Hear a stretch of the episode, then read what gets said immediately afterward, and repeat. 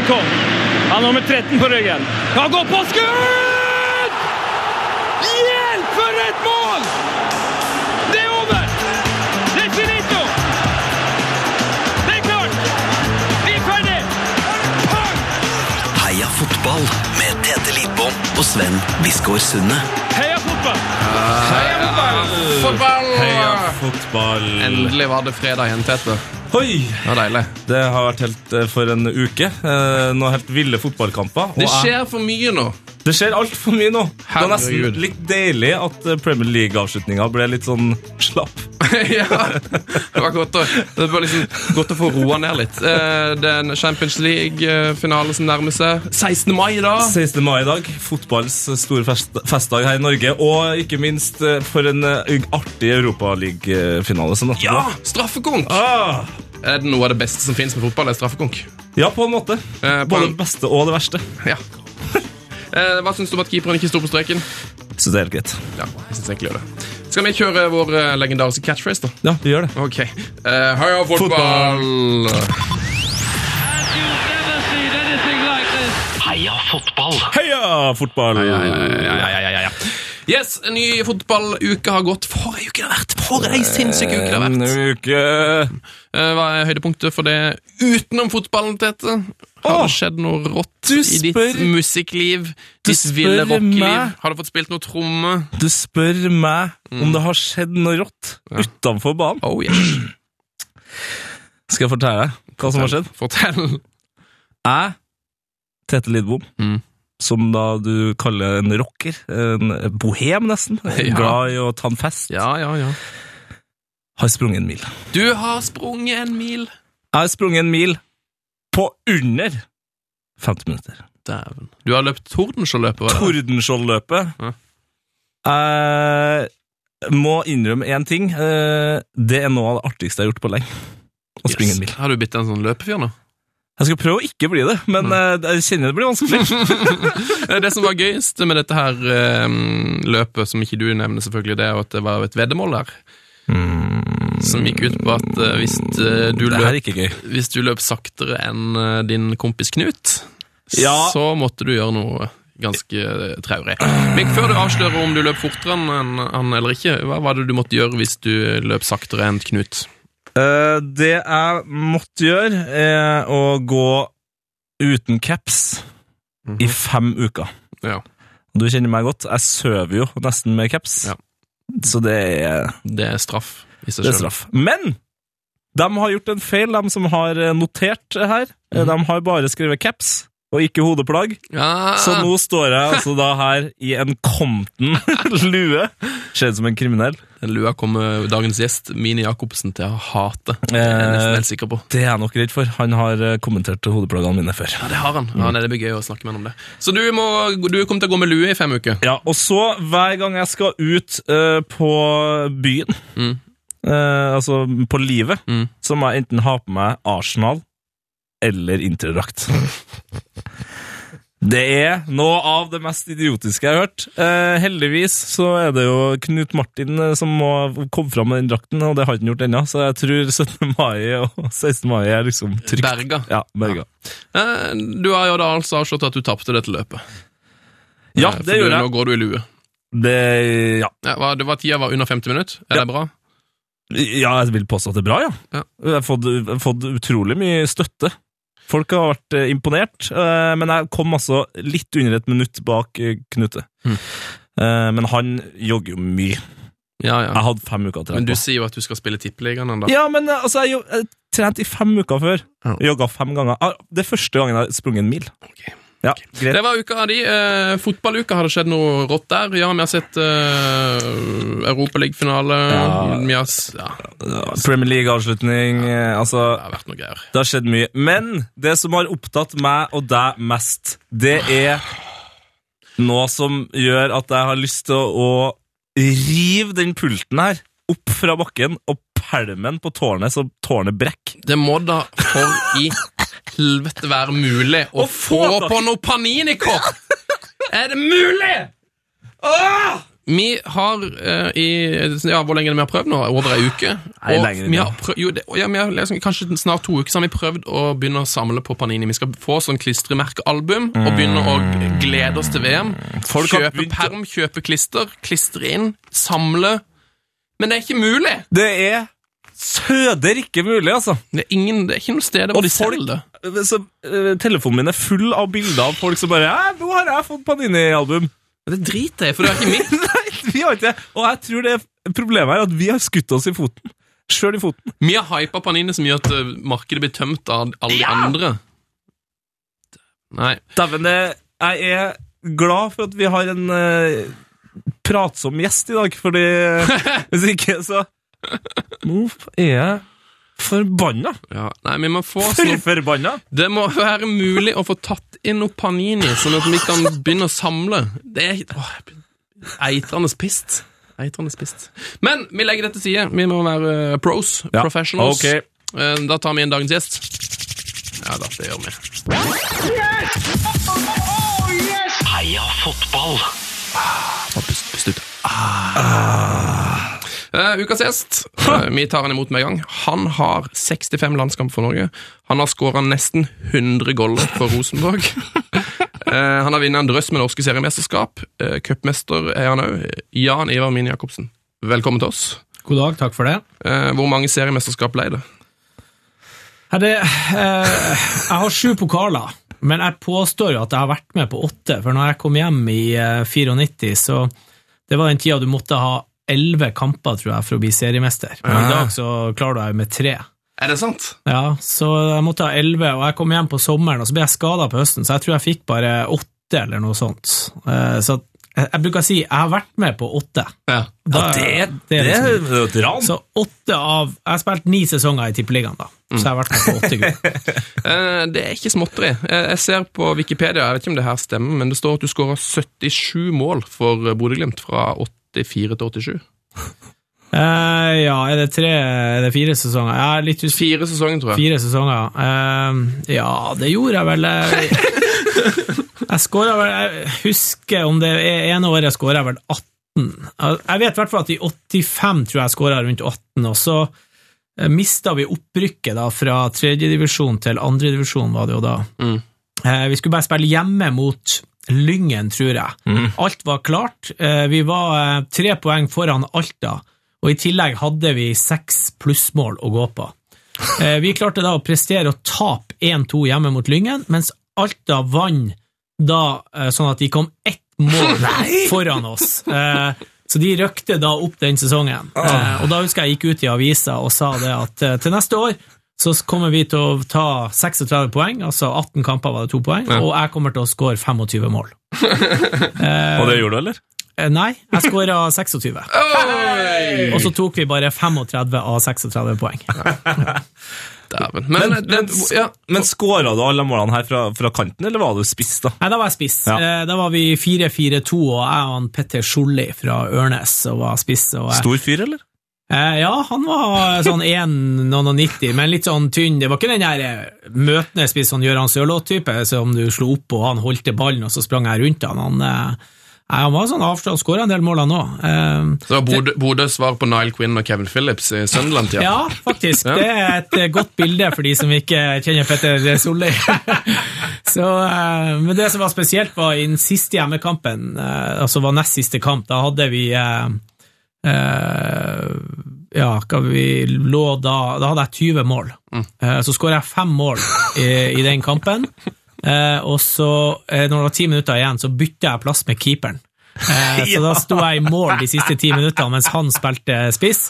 Til vår treners store ergelse på sida når vi bytter. Vi bare gjorde det i matchen. Vi, altså, vi mangler spillere som deg akkurat nå, Mini. Det, Det er min- det har blitt mindre blir så- humor i Ja, det er toppfotballen. altfor lite humor. Ja, det, det, Jeg må jo si jeg kunne godt tenkt meg å spille nå, for nå er for eksempel tribunene er mye nærmere banen. Jeg tror jeg kommer til å ha mye mer dialog med publikum eh, enn det vi kunne før i tida.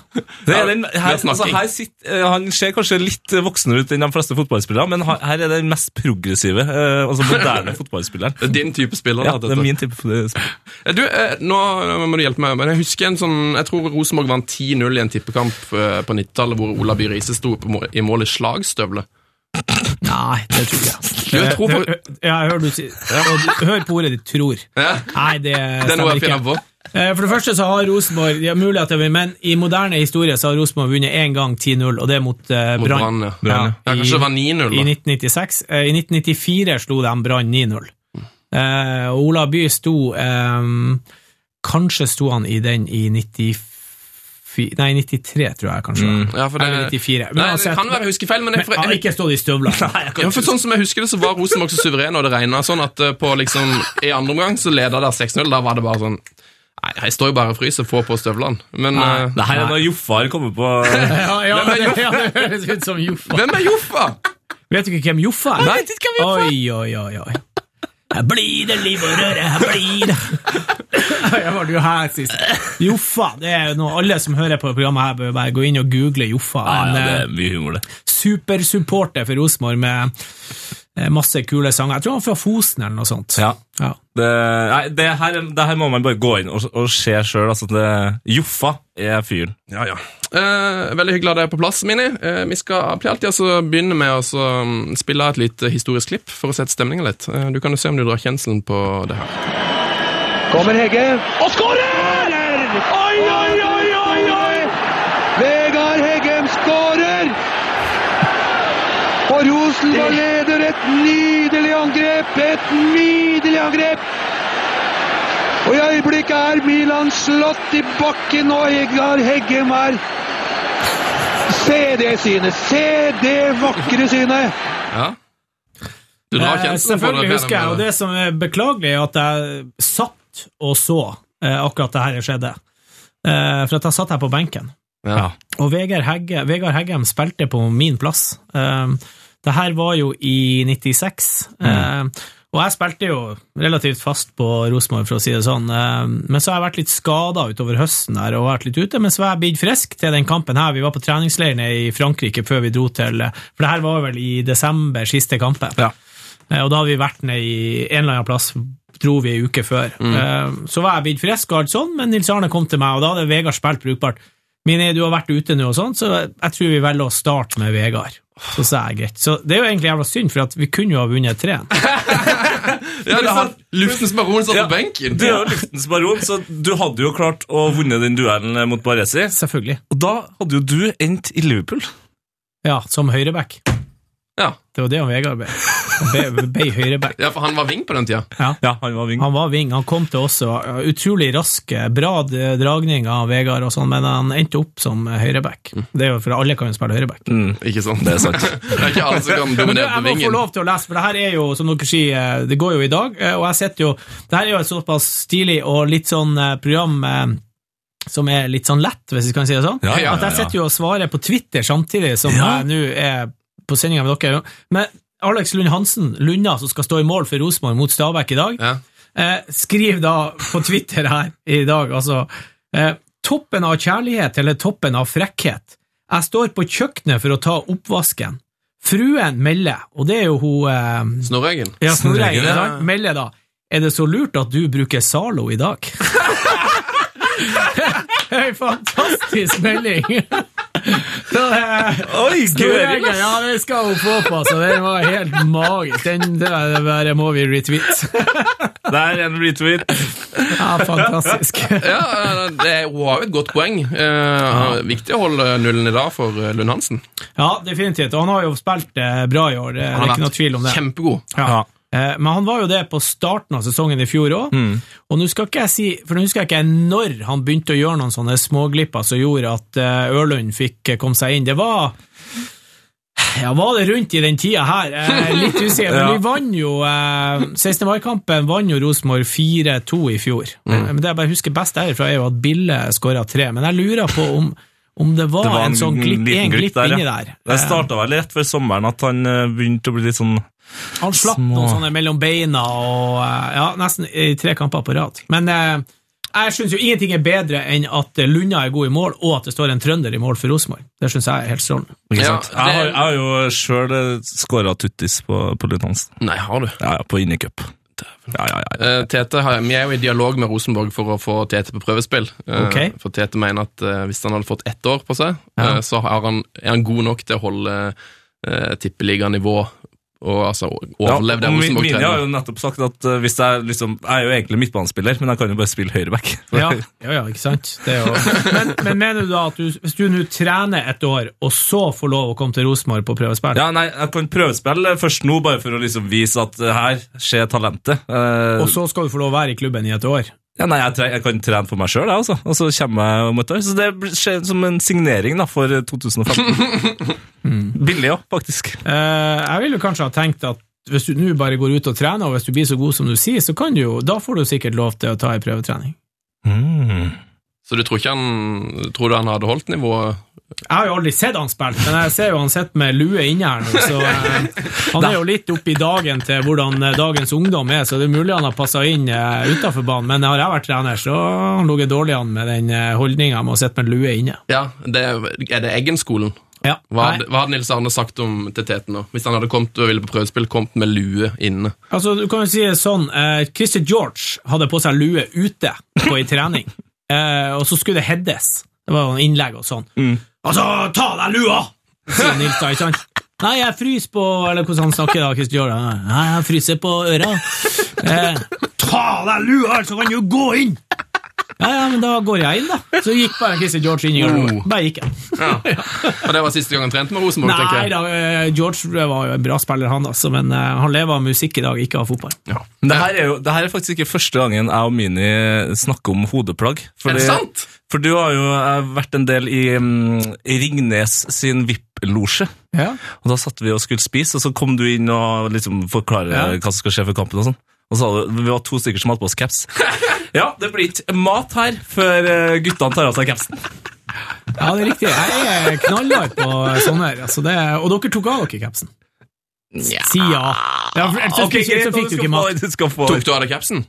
Nei, Gjorde dere ikke det? vi gjorde ikke det, altså. Nei. Men jeg kjefta sikkert enda mer på Ja, du, dere. ble, du, ble, du så ganske sint ut. Ja. Hvorfor Nei, er det, hvor, men eh, sånn seriøst, hvorfor er det så viktig Hvorfor er det så viktig del av filosofien? Ja, men nå nå er jeg jo blitt en, eh, en eldre mann. Jeg er jo blitt. Eh, Og da blir man jo mer på sånn her eh, hvordan ting eh, skal være. Altså gamle sanger 'Ikke gå inn i stua før du har tatt av deg lua', og alt det der.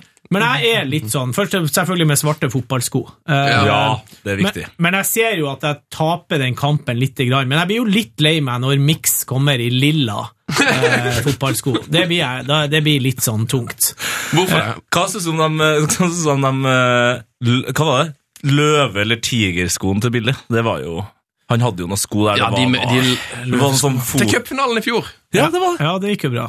Ja, det så jo Nei, han fikk jo ikke start heller. Nei. Så eh, nei, jeg er der, men jeg er også sånn, husk på det at og noe av det verste jeg vet med mannlige fotballspillere, det er strekk i håret.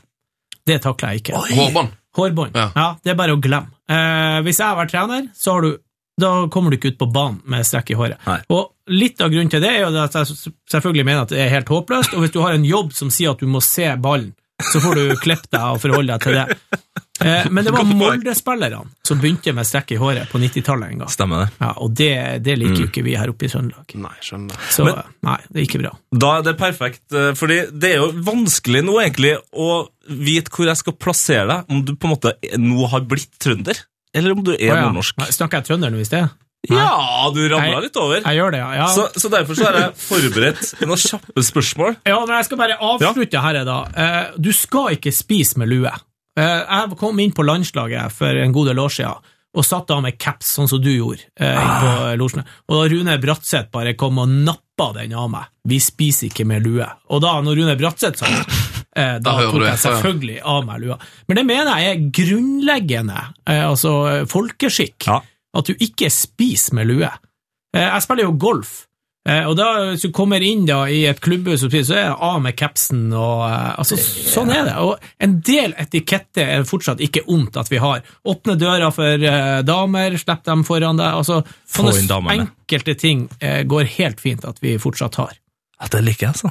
Ja. Selv om jeg fortsatt sitter med lua på. Da, Ja, Du, likte det. å ta, du liker det, men du innfinner deg ikke med det. Eh, Ja, nei, men det, det gjør det jo enda bedre for sånne som meg, eh, at eh, hvis alle andre følger så, så Men kan når du går ned i kantina her på NRK, Ja. spiser du da med lue? Ja, altså, jeg har, ja, ja, ja. Ja, det jeg har alltid på meg hodeplagg. Hvorfor? For en greie. Nei, det har blitt en vane. Og akkurat nå så er håret mitt eh, ser Ja, det er jo det dummeste. Ah, jeg har jo sånn her eh, rart på håret. Ja vel, men, Men- det ser enda rarere ut å sitte med lue eller Men, caps du, og spise. men ta deg et lue, da. Se den sveisen. Det altså, du har verdens dummeste sveis nå. Nei, jo jo, altså den er jo litt eh, artig. Den står jo litt opp, men, men hvis vi skulle ha spist nå, så måtte vi ha tatt uh, den lua. Men eh, vi sitter jo inne her, så Men, men eh, en, jeg vet ikke om det her kommer fra din egen oppvekst eller din egen livsfilosofi, eller om mye av det kommer fra som du sier, fra Rune Bratseth og Nils Arne Eggen. Og jeg vet at Eggen hadde mye sånne regler, blant annet at du skulle ikke, hvis du ble bytta ut, så skulle du aldri skylde på skade. Du skulle uansett liksom komme deg fort av banen. Har du flere, hva slags andre sånne, sånne bytta oppførselsregler? Det vet jeg jo ikke, for at det ble jeg jo ikke. Så Hey. Nei, jeg er sikkert vi bytta ut noen ganger, det skal vel sies til. Uh, nei, altså Men han var eh, Nils Arne er veldig oppfarende, og kan si at du kan, når du snakker om folkeskikk og han, så kan du jo lure av og til, for han kjefta ut folk i hytt og pine. Jeg husker vi kom til Stavanger, og da spiser vi fire timer før. Så kom vi på hotellet, og så var ikke maten klar, og vi var litt sånn ja, ja. Men han da bare reiser opp og ut på kjøkkenet, og du hører bare Men så går det jo sekunder, så er jo maten ute. Ja, ja, ja. Men da blir jo du litt sånn her ja, altså, Hvor er folkeskikken da? Men allikevel, når vi for rundt og spilte sånn som vi kalte Goodwill Games, altså hvis eh, Levanger hadde fått seg et nytt klubbhus og et eller annet sånt som skulle åpne, så kom vi ut og Ja, ja, spilte. Ja, så han uh... Og da var det fast at for eksempel, da var det alltid, De ville ønska jo å være hyggelige med oss og serverte karbonader eller noe sånt, men vi egentlig ønska bare å komme oss hjem. Men da var det bare nei, opp alle sammen, vi skal spise og vi skal vise høflighet når de gjør noe sånt. Og, og litt der tror jeg jeg har gått i skole i Rosenborg. Både med Nils Arne og de eldre spillerne som har vært eldre enn meg. Og det savner jeg kanskje litt at eh, i ei sånn fotballgruppe at de eldre av og til tar tak i de yngre som kommer, og spesielt de som eh, tar litt av, kanskje har suksess når de er unge. For det skal du huske på at eh, selv om jeg var relativt stor i kjeften når jeg var liten, og det ble litt mye styr, Ja. men innad i gruppa visste jeg nøyaktig hvor plassen min var Mm. Så jeg visste hvem jeg var, og jeg visste at jeg var avhengig av de andre, men, det, men jeg var liksom litt gjøgleren utafor. Men når du kom inn, så jeg satt ikke og kjørte jokes på Ola By Riise og Sverre Brandhaug. Det gjorde jeg ikke. Men uh, det du sier om sånn uh, Goodwill Games, jeg så han var vel Fredrik Vinsnes som uh, skrev om det nettopp. Ja. Eh, det, det var en sånn årlig greie at jeg reiste rundt og liksom og jeg holdt på å si, ga tilbake til fansen. da. Ja, og klubbene rundt og alt det der. Og det, og det er jo Rosenborg også begynt med nå i de senere årene, og det ser du veldig mange andre klubber gjøre. Og det er veldig viktig å, å vise seg frem til de du ønsker skal komme på Lerkendal på søndager, eh, for å få et forhold. Min påstand er jo at eh, åtte av ti fotballkamper er kjedelige. Hvis ikke du har et forhold til de som er utpå der. Hvis ikke du kjenner dem, og liksom og Johan og han. altså hvis det Eh, Altså Leicester Ipswich skal spille en eh, tippeligakamp, eh, så sover du i stolen kvart over fire, ikke sant? hvis ikke du er genuint interessert. Men hvis eh, Rosenborg, som du da har et forhold til, eller kanskje du heier på, så et eller annet sånt, så er det mer interessant. Og det ønsker jo vi i Rosenborg, at folk skulle være kjent med oss. Vi ønsker jo at folk skal tro at de, eh, når de møter oss, at det er naboen de møter, for da Men det skjer, det skjer jo sånn som eh, etter bare, altså, dem- den jubel Ja. når han scora, når han ble bytta inn. Og det er liksom Folk klarer plutselig å liksom relatere seg enda mer til den, og det er det som er viktig. Ja. Det har liksom kanskje vært litt for stille en god stund eh, eh, på Lerkendal, at det- spillerne bare har liksom bare vært der. Altså, det har liksom ikke skjedd noe. Men det blir mye det, altså, det er jo selvfølgelig Om det er verre eller bedre, men eh, media, når jeg spilte ikke sant? Jeg er jo sjeleglad sånn sett at ikke jeg spiller nå, eh, med Twitter og Facebook og alt det greia der. Jeg har jo kommet og blitt kalt inn på kontoret til Hoftun hver dag. Eh, Så, så sånn sett er jeg jo glad for det. Men, men det var jo litt lettere for oss. Husk på når vi var landskamper før i tida. Så var det på smuget og fester, og med både vanlige folk og med pressen og alt. Det var liksom ikke noe Vi satt på piano og spilte Let it be klokka fire om morgenen etter å ha vunnet slått Italia, ikke sant?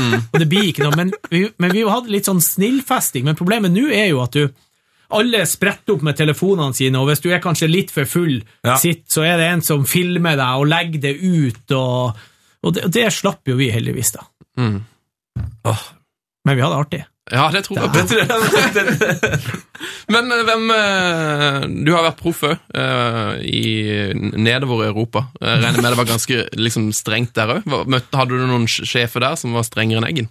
Eh, nei, ja, jeg var linen i Duisburg. Eh, Der var jeg jo bare i 53 minutter, så det var ikke så mye, så uh, Hva skjedde der? Hvorfor var du der bare tre- Nei, 53 jeg var jo først i Sveits i Young Boys, eh, og gjorde det ok siste sesongen før eh, 93. Ja, jeg gjorde det bra. Og så leide da Duisburg meg først ifra Young Boys. Jeg dro dit, men eh, dårlig start og jeg var dårlig på sommeren jeg kom dit, så spilte jeg meg inn på laget. Fikk starta en kamp borte mot Borussia Mönchengladbach. Eh, vi lå under 0-3 til pause, og jeg ble bytta ut. Så du fikk på en måte Ja, ikke sant. Jeg, jeg, altså, følte det, og, da, og etter den kampen så dro vi til Polen og ble klar for VM i 94. og da husker Jeg jeg skjønte at jeg er på vei ut fra klubben. Istedenfor å reise tilbake til Tyskland, husker jeg jeg ringte bare, og så ble jeg med tilbake til Trondheim her i stedet og hadde en heidundrende fest med brutter'n. Eh, og for da tilbake til Sveits, og så ble jeg leid ut til Lirse i Belgia, ja. der Kjetil Rekdal var. Så eh, jeg bruker å si det i foredraget mitt, at eh, det er vel å ta i hvis jeg sier at jeg dominerte europeisk fotball på den tida jeg var ute. Men eh, dere, når dere, var det du og Bohin som var Young Boys? Ja. Hvordan, jeg føler at på den tida der så var det ikke så vanlig å være proff. Var det, på måte, det var en sånn periode der hvor det nesten ingen som var proff, og så reiste dere ut. Hvorfor, hvorfor ble det den klubben der, og hvordan kom det i stand? Nei, da Ørjan Berg dro jo til Vettingen i Sveits. Eh, Vettingen? Vettingen, det er ti mil nord for eh, Bern, da. Mm. Eh, han dro, Vi spilte cupfinale mot Fyllingen på søndag. Vi vant 5-1. Ørjan hadde da allerede fått avtale med Vettingen og dro ned mandag. Og I løpet av mandag og tirsdag så kom det at Young Boys ville leie meg, så jeg kom ned dit onsdag og spilte kamp der nede. Altså, Da er jeg leid ut første to og en halv måned. Spilte sånn ok, ikke all verden, men de ville da kjøpe meg. Og det som er eh, spesielt, det er nok ute, det er nok ikke noe hemmelighet, men eh, på den tida der så tjente vi eh, 200 000 kroner, hadde jeg eller noe sånt i Rosenborg, cirka, som lønn. I året, ja. I året. Ja, ikke, ja, ikke sant? I dag så kunne du jo tro at det er Ja, måneden. I- i uka. Men, ja, men det var i året. Eh, Så ble jeg da, og så ville Young Boys kjøpe meg, og da kosta jeg 2,1 millioner. Det sto fast i kontrakten med Rosenborg. Oh. Eh, og de ville kjøpe meg da, mens Rosenborg ønska Dette var jo etter cupfinalen. Husk på, det her var etter at minisangen hadde solgt Ja. 50 000 eksemplarer. Og, Det var jo også en uh, artist som ble, skulle bli solgt der. ja, ikke sant? Og litt, uh, så, så jeg ble faktisk kalt opp på kontoret til uh, Rosenborg i mellomjula, styremøte, eh, der de sa at eh, de ønska egentlig ikke å selge meg, eh, og ville heller gi meg et nytt tilbud. Eh, og ville gi meg ei anna lønn. Og jeg skulle få én million i året hvis jeg ble. Pow! Boom! Eh, fra 200 000 til 1 million. Eh, men da eh, valgte jeg å si nei, for at eh, ønsket om å komme seg ut, og hvis du lyktes da, så vil du jo sannsynligvis tjene mer. Men husk på, første tida i Youngboy så tjente jeg 700 000 netto i året. Mm. Og det var jo det du hadde i Rosenborg på slutten av 90-tallet pga. Champions League. Da, Ja, ja. Og Velse. Så det var, det var en godt betalt jobb, men det var ikke noe, Nei, ikke noe å bli rik på. Jeg kom ikke hjem som noen rik mann. Jeg har ikke noe problem med å si det. Altså, jeg var ute i tre og et halvt år og hadde én million kroner når jeg kom hjem. Mm. Og i dag så, eh, ja, Ja. god dag. Det er sign- det sign-on-fee sign i dag. Ja, ja, ja, det er jo. Men eh, lønna er jo ned, både ute i Europa og eh, jeg så faktisk at eh, Torgeir Bjarmann, sportssjef på Lillestrøm, uttalte Ja. det at lønningene burde Ned på 90-tallsnivå. ned på 90-tallsnivå. Mm. Så hvis vi da snakker ja, fra 200 til 500 000 kanskje på en tippeligaspiller, og i dag er det fra 500 til 2 millioner. Ja, ja. Men, hva, men sånn som uh, Roar Strand jobba jo som feier. Ja, men det var bare første årene. Hva var Altså, første årene? Ja, 89-90 og rundt der. Men for at uh, Eggen var veldig sånn at uh, Han har i hvert fall sagt det utad, at det var veldig viktig med utdannelse eller Ja. at uh, jobb og sånn, men gjorde du noe annet ved siden av, eller var det sånn Nei, nå skal jeg være Nei, når jeg kom hit, så jobber jeg på Dale og Salamonsen som kontorutstyr, for det jobber jeg på, eh, på når jeg spilte i Bodø-Glimt. Så jeg kom ned hit og fikk da jobb på eh, I den Dale og Salamonsen var i Bodø, på Lundgrens her. På Lundgrens kontorutstyr. Så der skulle jeg selge da sånne her kopieringsmaskiner. Jeg husker, Da gikk jeg noe, så da lærte jeg meg et nytt ord som heter canvas. Det vil si at du går rundt, finner ei svær bygning, så går du og pekker på alle dørene. 'God dag, jeg kommer fra Lundgrens, er det noe kontorutstyr?' 'Nei, nei takk, ha en fin dag'. Det var en jævla dårlig jobb. Jeg solgte én snap fra krengsmaskinen, og det var til Rosenborg. og så kom brutter'n er hjem. Ja, men husk på brutter'n kom hjem da fra Frigg, eh, Kåre Ingebrigtsen, i eh, mars-april. Eh, og da kutta jeg jobben der, og så begynte jeg og han, vi fikk jobb til Rosenborg og klepte gresset. Så vi eh, hadde ansvar for treningsbanen og klepte gresset og ordna og litt sånn på dagtid. Da. Så eh, vet du forskjellen på engrapp og tunrapp? Nei, jeg, og jeg no, jeg vet ikke hva noen av ordene betyr. Det er jo da en gressort eh, som som regel er på fotballbaner i Norge. Det, eller Nå er det jo kunstgress kanskje det mest vanlige, men Dessverre. Eh, det- det er altså, eng, Husker jeg ikke om engrappen eller turen, men en av de sortene der eh, trenger lavere temperatur for å vokse. Så du ønsker egentlig, La oss si at det er tunrapp som er den fineste gresset, men derfor Ja. kan du se på gressbaner hvis det er forskjellige farger. Da er den ene engrappen eller tunrappen som er på vei opp og litt sånn, så ah. vi skulle ikke ha noe tunrapp på banen, eller hva det er for noe. Her, her skal vi ha engrapp. Så du var banemester, nesten, da? Banemester er han Kåre for å kjørte John Deere, eh, den, men vi er ikke på Lerkendal, noen treningsbane, for Trondheim kommune eide eh, Lerkendal, på en tida der. der. Mm. Ja, så da klepte vi bare eh, det er så gressbanen ved sida. Jeg, har fått inntrykk av at du er ganske tett knytta opp mot Rosenborg nå. Jobber du i klubben, eller?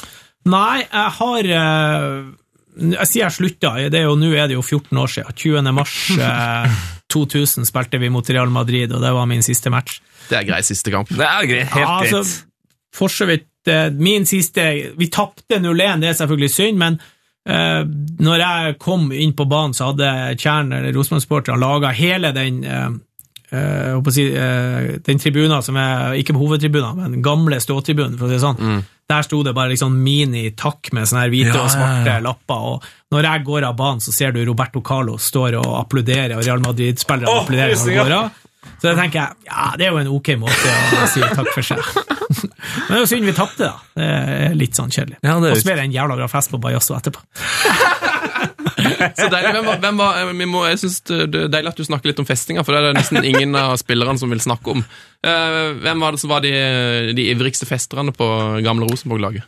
Eh, hvis vi kan dele opp min Rosenborg Det er jo to epoker. Ja. De tre første årene, og så før jeg var ute i tre og et halvt og kom tilbake igjen. Eh, og det var altså det er de fineste årene i mitt liv. 88 til 90. Når jeg kom ned hit 4. januar eh, 1988 til jeg dro eh, ja, en eller annen oktober i eh, 1990. Men husk på da var vi nesten bare unggutter på laget. Mm. På sommeren 88 så laga vi eh, en gutteklubb, eh, så vi kalte den for Gutteklubben 6. og det var Kåre Ingebrigtsen, eh, Per Joar Hansen, eh, Arne Lind, eh, Karl Petter Løken og meg var med i den klubben der. Gutteklubben Og Da 6. møttes vi en gang i uka, og da så vi Blues Brothers. Klassiske filmen Blues Brothers. Nei, det var, bra. Den var, var, når den ble laga, så var den verdens dyreste film. Det ble knust så mye biler i Ja, ja, ja. Så den så vi, men. Klubben ble jo opphørt, for først møtte jo han Per Joar Hansen, han møtte jo kona si og Ingar Lill, som han er sammen med i dag. eh, så det liksom én etter én møtte vi damer, så klubben ble datt sammen i løpet av eh, Gutteklubben seks.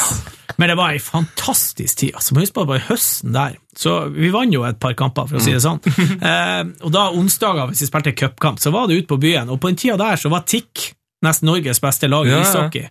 Og så hadde vi fire damelag i håndball som var best i Norge. Så spilte, så, altså det var et jævla bra sånn idrettsmiljø, men også et sosialt miljø der vi møtte søndager på Baron og Bajasso etter hvert. Altså etter alle hadde spilt kamper og møttes. Oh. Søndager var en magisk dag. ja, Her burde det bli laga film av. Sosialisering. Nei, definitivt ikke. det skal ikke lages film. Fantastisk. Så det var Bajasso som var stedet. Fins det Ja, vi begynte jo Nei, Baron og Baronessen, det er jo der eh, gossip er i dag. Eh, det, der starta det. Eh, men så var det jo en del eh, Ole Dalen, som er en kjent figur i Trondheims uteliv, eh, starta eh, da Bajasso sammen med en, og etter hvert så ble det oppå der, da, så var plassen å være. Så absolutt. dæven. Tenk dere Jeg tar ei artig historie til. Få, få det på. Gi meg tre.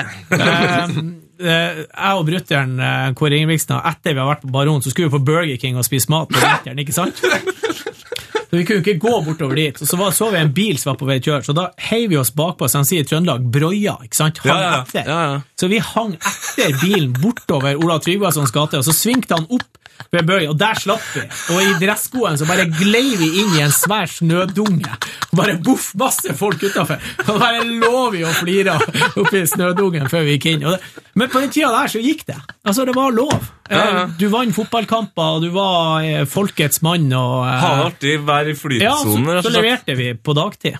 Vi var helt om natta og helt om dagen. Ja, deilig. Men jeg ser jo ikke for Altså, der eh, må jo ha trent hardt. Det var jo ikke sånn at dere var ute og drakk fem dager i uka, liksom? Nei, det gjorde vi ikke. Altså, på høsten så kunne det godt være at du kanskje gikk ut onsdag hvis du hadde vunnet en cupkamp. Eh, tok det med ro, og så spilte du søndag, så kunne det være at du gikk ut, men du gjorde jo ikke det eh, fire uker på rad. Det gjorde du ikke. Men at det kunne skje, det, det er jo ikke noe men eh, vi hadde ganske sånn streng disiplin i gruppa. Altså Når du kom på trening, så var det bare å bite sammen tennene. og Det var ikke noe sånn 'uff, jeg er så'. Da kleip du igjen kjeften, og så ga du gass, og så gikk du heller hjem og la deg på sofaen når treninga var ferdig. Eh, Men det var veldig sånn streng. og noe som vi alltid har fått skryt for opp gjennom tida når vi har fått nye spillere, så er det jo bare for et høyt nivå det var på treningene. Ja. Husk på Nils Arne, var jo fantastisk mandag til fredag med å holde intensiteten oppe, med å jage oss og trykke etter. Der var han helt magisk, og så fikk vi også en ærgjerrighet, spilte ofte Young Boys mot Old Boys, som gjorde at det ble ordentlige matcher nord mot sør. Mm. gjorde Ja, at det ble lurt tenning. triks, ja.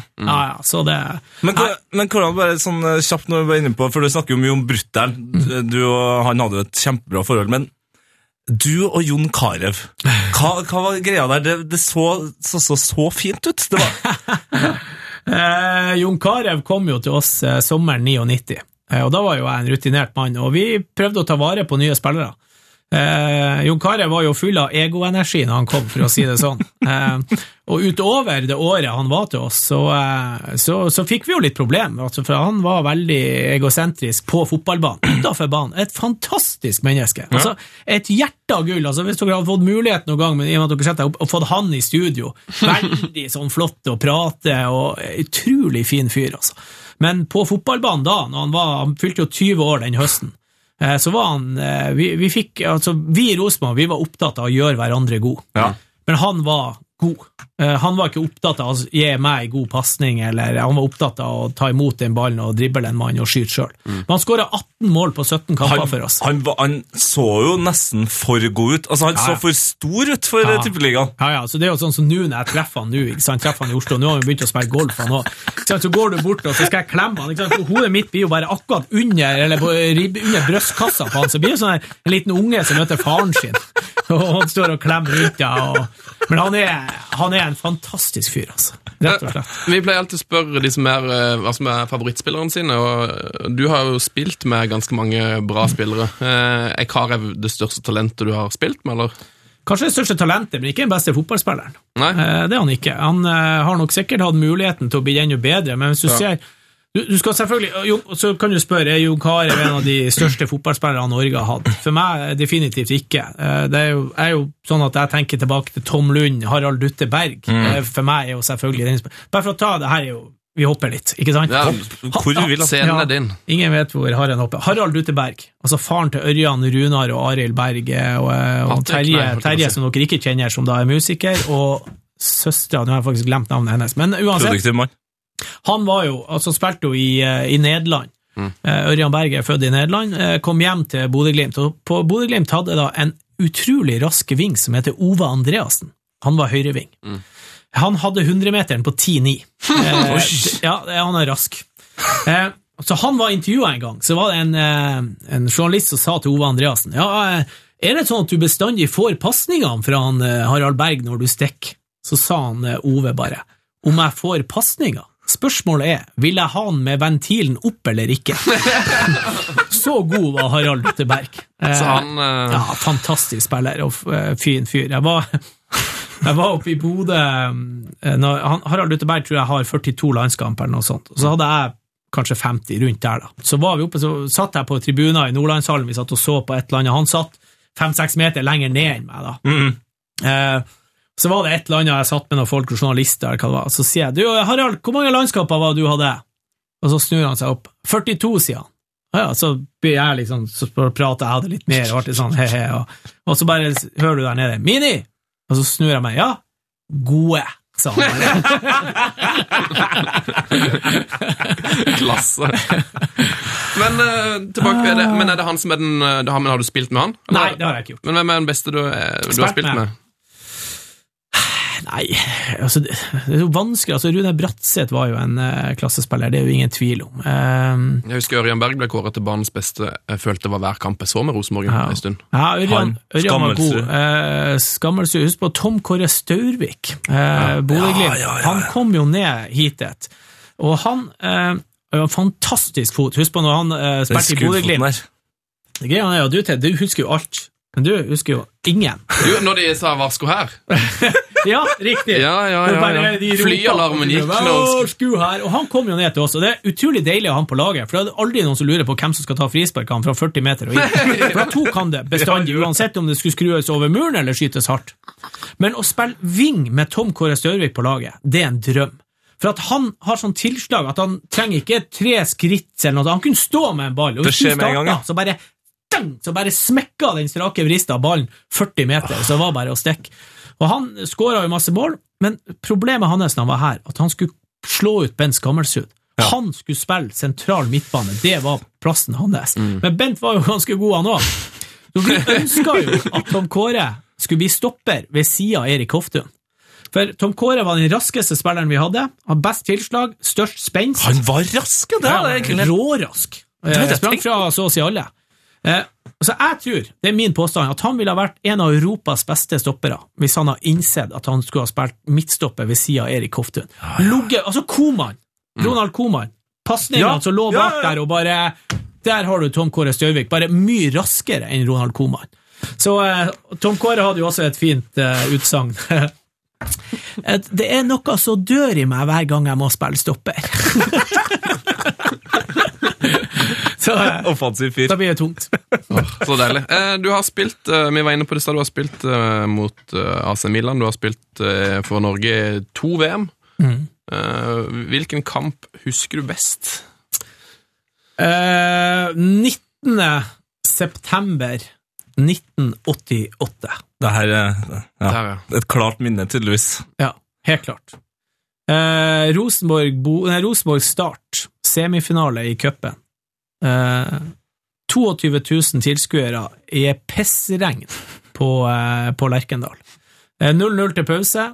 Eh, jeg skåra 1-0 og 2-0. Eh, Gøran Sørloth skåra 3 og 4 og 5. Vi vant 5-0. Men det er for det første store opplevelsen min med publikumsmessig og det trøkket og en viktig kamp og alt det der.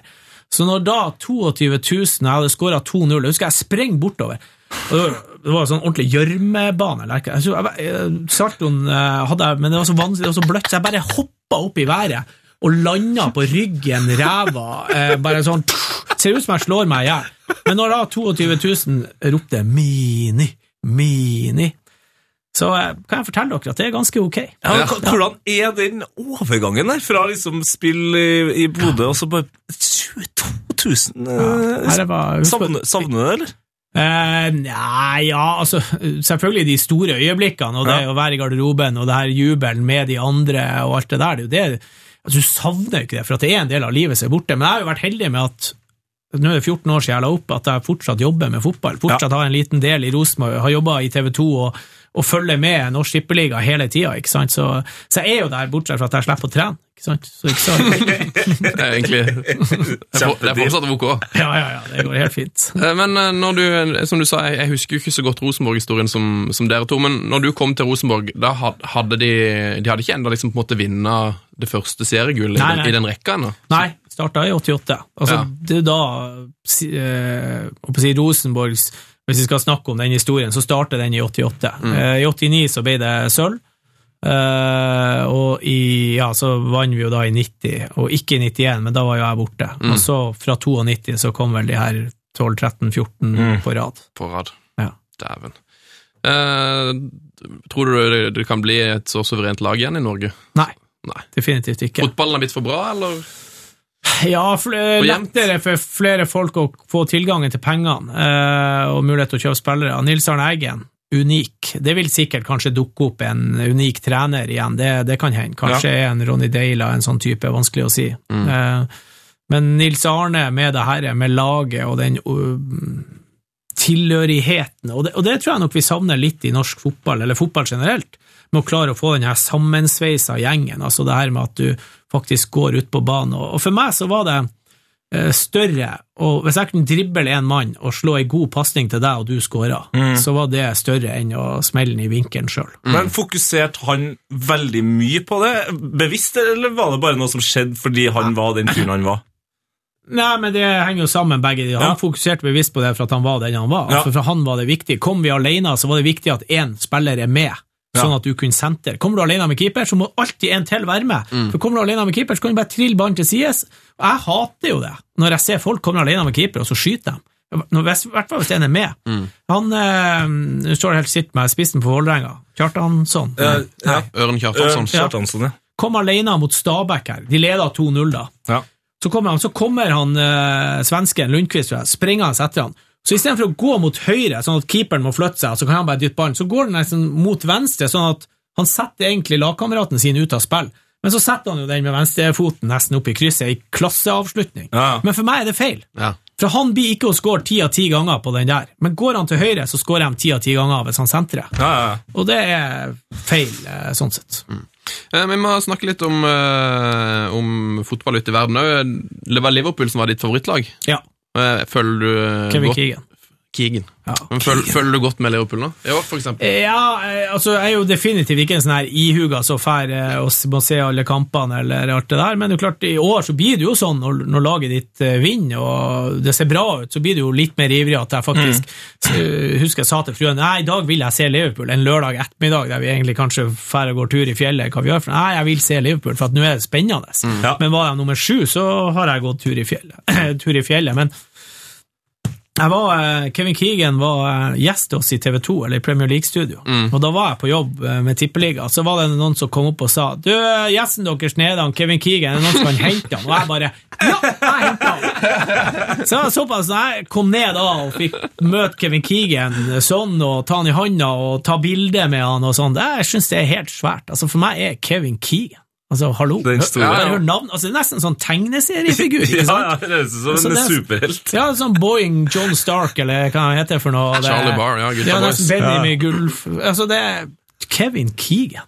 Come on. Ja, deilig. Ja, altså Phil Thomsen og de de gamle Liverpool. Nå har jeg jo spilt mot Liverpool et par ganger. og vi, vi i Rosenborg spilte jo mot Liverpool i Oslo, og sånne her, oppvisningskamp. Ja, ja. Fowler og John Barnes Ja. og Norway Cup og Ja, hele kjøret. Ja, ja. Da, da var vi jo av og til litt sosiale etterpå. Liverpool-spillerne var også sosiale. Jeg husker jeg og John Barnes satt i heisen på eh, SAS-hotellet i Oslo sånn fem om morgenen og kjørte opp og ned 10-20 ganger og satt med noe drikke i handa. Og, og noen kom inn, og der satt vi bare inni. Hei, hei! hei, hei. Satt å prate skit. Og, oh, John Barnes, altså. ja. Altså, det, Jeg husker det var vel i VM i 98, så var det en norsk reporter som spurte uh, Paul Ince. Mm. Det var liksom What's your favorite memory about Norway? What's your favorite thing about Norway? Og da sa han bare Smuget. Smuget. Så jeg regner med dere var på Smuget. Ja, altså Smuget var en eh, strålende plass. De tok vare på oss eh, godt, eh, fotballspillere, når vi var på besøk i Oslo. Ingen tvil om det. Nydelig. Hadde dere sånn eh, private room og liksom Nei, nei, nei, nei. Gikk forbi Det- kø, eller? Ja, det gjør du. Ja. Altså, kø, det eksisterer ikke. Eh, Det, Når var, sist, når var sist du sto i kø, eh, Mini? Nei, det skjer, altså skjer, Greia er at hvis jeg må stå i kø, så gidder jeg ikke å gå inn. Eh, Lurt. nei, altså, det, det orsker jeg ikke. Eh, men det er klart, ting forandrer seg. Men nå er jeg jo gammel, så nå er jeg ikke så mye på byen. Sånn, så nå er vi jo kommet i at du drar hjem til folk og litt sånn, men eh, Gidder ikke stå i kø der heller. Ja, men, men, men jeg mener jo, det er mulig at jeg høres blærete ut, eller noe sånt, men har jeg drevet et utested, og det kommer en kjendis, så vil jo jeg ha den kjendisen inn på det utestedet. Helt enig. Uh, og så er det noen som sier at jo, men kjendiser skal slippe å stå i kø for at folk blir klengete, og du skal slippe unna, men jeg vil ha den kjendisen inn på mitt utested, for at folk husker at han har vært der, og de vil nevne det til andre og alt det greia der. Ja, Se bare på Bajasso nå. Jo, Ja, nei, folk sitter fortsatt og snakker om bajas. ja, ikke sant? Så det, det er liksom sånn her eh, Det er ikke for å være blærete, men eh, Jeg, jeg skjønner ikke, altså hvis vakta står der, hei, hei du, gå bakerst, så liksom, ja, ja, da går jeg hjem, eller jeg går ikke hjem, går en annen plass. Så det, sånn er det. Deilig. Jeg er helt enig. Du, eh, i kveld er det fotball. Det er Rosenborg mot uh, Stabæk. Ja. Stabæk. Du er på plass, regner jeg med, som Ja, alltid. skal lede, eller storskjermen har jeg da til Rosenborg. Så det er på en måte oppga det, er det man kaller at du har oppgaven storskjermen? Ja, for at de, de andre årene som jeg har vært nå, så har jeg vært eh, oppe på eh, Vippen, der Ja. de har de største partene. Og da går jeg inn i losjene og forteller hva laget er Folk i dag. å ta av seg capsen. og ber folk ta av seg capsen og alt det greiene der. Så ser jeg nå, jeg har akkurat fått melding fra Jon Inge Høyland, da, som er kaptein på Stabæk, for at jeg skal spørre han om, han kunne stille opp til storskjermen, og det var selvfølgelig kan det, vises. Ah, så, han, så han ser vi da på indre bane blir intervjua det. Ja, definitivt. Hvem andre skal du intervjue før match? Eh, det, vi bruker å ta én fra motstanderen, og Høyland, i og med at han har vært her, så tar vi han, og så blir det Daniel Berntsen. Eh, sønn, Daniel Berntsen. Bodø-gutt, sønn av Dag Trygve, som jeg vokste opp med og spilte fotball med. Eh, faren hans eh, tok sånn, eh, ikke saltoinnkast, men sånn stiften. Ja, da. stiften, ja. ja. Ja, Det gjorde faren hans. Eh, Har han den sjøl? Daniel? Ja, er han, har han turngenet? Det vet jeg ikke, jeg tror ikke det. Har, du, drev du med turn? Nei, jeg gjorde ikke. Jeg burde ha gjort det. Turn Turen er en fin greie. Jeg bare begynte å ta salto. Det Ja, var bare Du sånn. bare begynte Ja. sånn helt av deg sjøl. August 88. Første salto. Første saltokastet. Skåra Nei, 3-2. Sprang fra Ulrik Møller som vanlig. Så du Eh, bare, du bare tok en salto? Ja. Du var bare Det her må feires. Ja, for jeg tok stiften. I Bodø-Glimt Ja. så tok jeg stiften jeg skåra, og det gjorde jeg også på en vintercupkamp for Rosenborg. Men så ble det bare bort, og så August mot Molde, 2-2, spreng fra Møller, eh, alene med keeper, sett 3-2, spreng ut til venstre, jeg var bare liksom, hva gjør jeg? Jeg hopper rundt, var helt vill, og bare spratt rundt, og landa egentlig på, på tærne, sånn at jeg detter fremover, langt, men det er ikke med på noen TV-bilder. Det du ser, er at jeg skyter meg sjøl opp igjen, tilbake igjen, egentlig, ikke sant, sånn Ja. etterpå. Så eh, det er den første saltoen. Eh, Jeg kommer jo fra Mandal, eh, Mandalskameratene. Har jo en stolt historie med saltoinnkast, Ja. som alle vet. Ja, det hørtes stolt ut. Nei, nei, jeg har aldri kunnet det, eller prøvd det, tror ikke jeg heller. Det er mulig at vi prøvde det, men vi hadde jo han, faren til Daniel, som Ja. gjorde det, så det var nok til oss. var nok med det. Men han Daniel Berntsen, eh, hvor god kommer han til å bli? Jeg er usikker, han mangler litt grann, eh, farta, eh, steget til å dra seg forbi, men han er jo vokst opp i det her eh, 4-3-3-greiene som vi ønsker å spille i Rosenborg, eller den spillestilen, da. Eh, Så han har jo hatt noen tung start her nede. Han var jo en ung gutt da han kom, men Han er eh, ikke gamle karen. Nei, nå begynner han å bli 21, 21 da, kanskje? Ja, noe sånt. Så eh, vi får se. Nå har han jo fått spilt litt, så han må begynne å vise seg frem og begynne å vise målgivende og målene også på midtbanen. Du er nødt til det, altså. Eh, vi var og så mot, uh, mot Orkdal i cupen, Ja. vi og så kamp der, og da spilte det en uh, Jon Sæter, Ja. eh, 16 år. ja. Eh, hvor, hvor god ble han? Ja, det er sånn Vesta, det sånn her der. Um, altså, Men det er ganske mange flest... spennende unggutter hvert i, i Norge nå. Jo, om de fleste 16-åringer som er på landslag og sånn, blir jo fotballspillere ut av det. Men, men du skal vite også det at når jeg var 15, så var jo ikke jeg på skolelaget. Nei. Eh, Så det finnes jo, og Rune Bratseth òg, for all del, som ikke ble Rosenborg-spiller før han var noen og tyve, og så gikk det to-tre år, og så ble han solgt til Werder Bremen. Han spilte i Var det Nidelv? Nei. Jo, Nidelv, femtedivisjon Ja. eller noe sånt. Men eh, Jon O. Sæter eh, kan bli god. Det er vanskelig å si. Daniel Berntsen kan bli god. Altså, De er jo gode i forhold til tippeligaen, men om vi snakker om landslag og sånn, så er det veldig vanskelig å si. Altså. Mm. Nå er Bent Sørmo er jo en unggutt som sitter på benken i dag. da. ja. Har vært eh, god for andredivisjonslaget. Er det han de henta fra Levanger, eller? Å, jeg skal være forsiktig med å si ja eller nei. Jeg tror, jeg tror vi så han eh, Jo. på den treningskampen Ja, mot Levanger før sesongen. Ja, det kan godt Ja, det, er, det er spennende. Jeg liker at det er et par sånne unge, unge kar på vei opp. Men du, bare, eh, vi prata jo oss borte. Du sa du hadde en eller annen sånn spørsmålsgreie om du Det- var trønder. Ja, nå skal vi Skal vi ta det, ja? Vi, tar, vi går til spørsmålsgreia. Vi skal sjekke Vi må finne ut om det nå har blitt 100% trøndersk, eller om det fortsatt er Ja, for jeg vil jo ikke være det. Nei, så det, men det skal vi finne ut nå. Men trønderne vil jo jeg skal være det. Ja, det, altså, Vi vil jo gjerne at du, at du skal være det. Er du klar? Ja, ja. Altså, du skal svare kjapt her nå. Ok, Hvem er penest? Kari Bremnes eller Mona Gruth? Mona Gruth. Hvem er best? Sirkus Eliassen eller DDE? Det. Hva er artigst? Rorbua eller Are Odin? Rorbua. Gult eller hvitt? Hvitt. Halvdan Sivertsen eller Åge Aleksandersen? Halvdan. Hockey eller bart? Hockey. Skred eller sodd? Sodd. Sigurd Rusfeldt, Rusfeldt eller Harald Martin Brattbakk? Rush. Aspmyra eller Lerkendal? Lerkendal. Og da, siste. Hvem var best? Dutteberg eller Odd Iversen? Dutteberg. Det er ganske tett, tror jeg. Det var Fire Det var 5-5. 5-5. Du er splitta, mener jeg. Jeg er jo det. Eh, husk på Bodø-Glimt. Vi spilte jo Rosenborg mot Bodø-Glimt i 2003, cupfinale. Og Da fikk jeg sydd meg en egen dress som halve var hvit og halve var gul. Stemmer. Eh, da, men da hadde jeg et slips på meg som jeg hadde fått fra eh, Einar Kolstad, som var forsvarer på Glimt i cup, fra cupfinalen 1975. Den hadde jeg på. Men eh, jeg skal innrømme det. Jeg er, du har to hjertekammer, eh, så det er plass til begge to der. Men eh, det ene hjertekammeret er jo litt større enn det andre. Og det er nok Rosenborg som er i det største. Eh, jeg har jo bodd lenger i Trondheim enn jeg har bodd i Bodø. Og jeg har spilt mye lenger i eh, Rosenborg enn jeg har spilt eh, i Bodø-Glimt. Ja, Så det som favoriserer Bodø-Glimt, er liksom at det er din- første, ikke sant? Ja. Så er det det. Men, og der eh, det starta. ja, så det er jo ikke sånn, du velger jo ikke noen av ungene dine. Og Bodø-Glimt og Rosenborg er Men det er klart, jeg har jo et mye tettere forhold til Rosenborg. Altså, jeg har jo vært her nå i årevis. 65 år. Jeg regner med du skåret noen mål mot Bodø-Glimt. Var det sånn at du ikke feira, sånn som Nei, en del spillere Det gjør? syns jeg er latterlig. det er ja. ah, ja, det syns jeg er noe forbanna vas.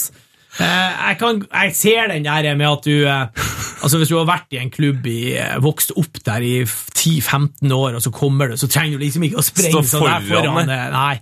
Men jeg ser eh, enkelte som har vært et lite kvarter i en klubb, og så skal de score, så skal de, ser du hvor de tvinger hendene ned og tviholder seg i shortsen for at de ikke skal juble. Så det, jeg, jeg syns det er teit. Det har ikke noe med å, eh, å håne eller altså, Du er en ny klubb, du er Så det Jeg, jeg ser at det er nyanser her. Jeg er ikke svart-hvit på den, det er ikke, altså, men uh, Det er ikke som lua eller capsen. Nei, det, Nei. der er det Der er det svart-hvitt. Ja, ja, der er det svart-hvitt. Nei, for Torres, uh, Fernando Torres skårte jo mot uh, Atletico Madrid i semifinalen av Champions League, og så feirer han ikke. Nei. Og da tenker jeg litt sånn Hvis jeg hadde spilt på lag med Torres da, så hadde- tror jeg jeg hadde blitt forbanna. De Ja. tapte jo Da kan du liksom bare drite i å skåre, da. på Ja. Hvis det er så jævla vrient, så må du jo heller ikke spille, da.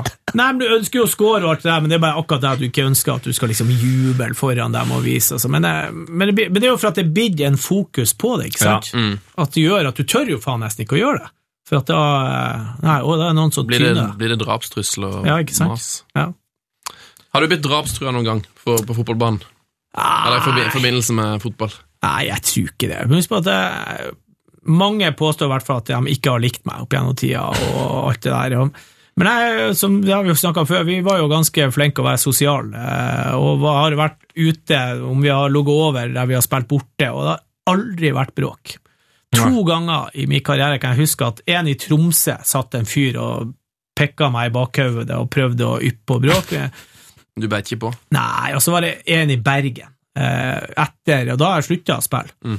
Eh, semifinale tror jeg mellom Bodø-Glimt og Brann. Jeg var der oppe av en eller annen grunn, og så var vi ute etterpå og satt på en sånn her burgersjappe, og sånt, og så var det en som begynte å liksom skulle prøve. Og, og så bare, med en gang han liksom prøver å være, så bare kommer det tre-fire vakter som har sett det her. Så bare, Ja. bare tok tak i fyren og kyla han ut og ba om unnskyldning. Og jeg bare sånn, ja, takk, det Var, går fint. var det David Vatne som plaga deg? Nei, han har plaga livet av meg etterpå. Da- Davy Frank Huey Vatne. Ja, han er fra ja, født i USA. Eh, nei, han er født her, men faren er amerikansk. Ja, for han har bodd i sørstaten litt. Nei, han eh, de, eh, Mora møtte faren til Davy der borte, og kom hit og fødte Davy her, og så skulle de dra tilbake, og så var det noe kluss der. eh. Davy Huey Frank. Nei, Davy Frank Huey. Davy Frank Huey. Frank Huey. Han har jo, har jo amerikansk statsborgerskap, Ja. så han mener jo da, når han kommer inn i lyskryss der det er rødt, og han skal til høyre, så har han lov til å kjøre til høyre. For det, for det er lov til USA. Ja, ja. Hvis det er klart, har du lov å kjøre til høyre, og det, det gjør Davy. Så deilig.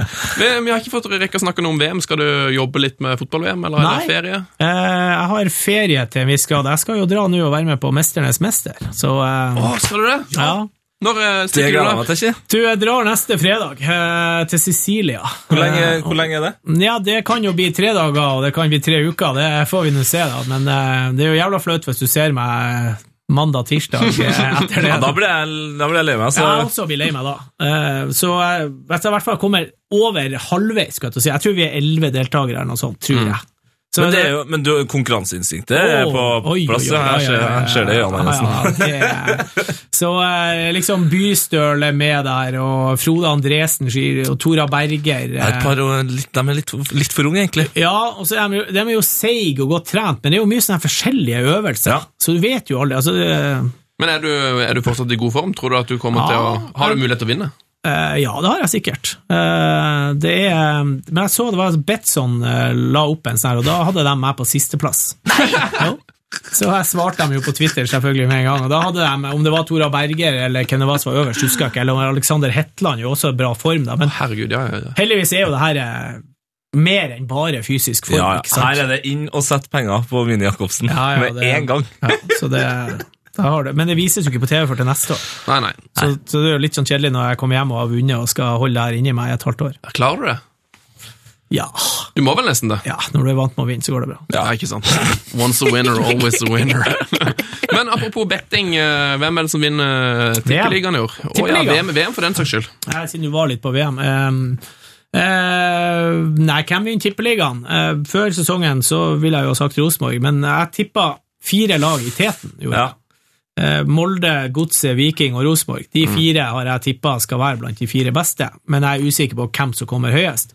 Men etter åtte runder så er jo Molde det beste laget. Men det er jo sånn klassisk tippeligaen at eh, det, eh, på høsten så skjer det helt annerledes Ja, ja altså, og, det, og det er jo såpass tett at uh, Rosenborg var jo heldig nå i forrige runde, eller ikke sant, Ja. spiller Molde, Godset og Viking uavgjort og Vålerenga, Mm. Uh, og mens de vinner, så de tar to poeng på alle sammen. Eh, Nå vinner jo Godset i dag mot Sarpsborg, det vil jeg tro, men Lillestrøm-Molde, åpen match. Ja. Eh, Rosenborg bør jo slå Sarpsborg, men eh, vi trenger ikke å gå lenger enn to og tre år tilbake, der vi taper 0-1 for Haugesund og Sandnes Ulf. Mm. Så det var jo matcher du eh, mente du absolutt skulle vinne. Så, eh, 3-1 mot Hønefoss òg, vel etter det her. Det er jo- det er- Vond kamp. Det er stadig mer fortjent at det heter Tippeligaen. Ja, Ja. helt klart. Det er riktig. Det er Vanskelig å forutse. Ja, det, det er vanskelig. Men Tom. Nordli sa for ei Når de slår Rosenborg, så sa han at de kom til å vinne serien. Sa Tom Nordli? Mm. Skrev det på nrk.no. Når dem slo? Ja, når det, Molde slo Rosenborg. Å, sånn, ja. Ja, Og da, da skrev han da, da var det- Da skrev han 'nå er det gjort'. Molde vinner serien. Ja. Han er skråsikker.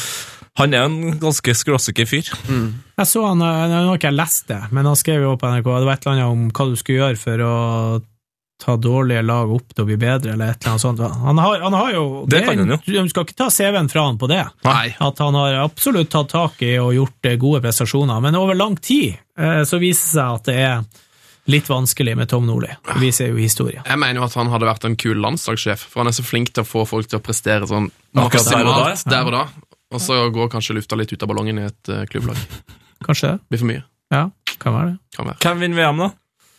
Nei, Vi håper jo på Brasil, altså når det er nedi der. og Jeg har jo ikke noe sånn sort forhold til de andre lagene, som det er Spania og Tyskland. eller... eh, Men jeg er jo litt sånn eh, Jeg er jo Maradona. For meg er Maradona nummer én. Ja. Eh, Pelé bak der. Og så er det liksom spørsmål om Messi.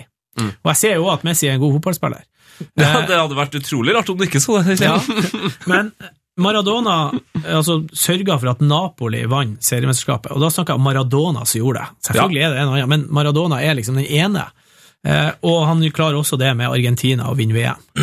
Eh, og det har ikke Messi klart. Messi er ikke så god i Barcelona at han er ensbetydende med suksess eller ikke suksess, men det er ikke langt unna. Eh, men så mangler det her at han de her lagkameratene må hjelpe han til å komme til å gjøre et godt VM før han får lov til å være oppi der. Ja, for det, det er snakk om Messi at han på en måte har hatt sin dårligste sesong på, på mange år. Det er jo artig å se på statistikken. 28 mål på 30 kamper. Ikke sant? Er det en dårlig sesong? Ja.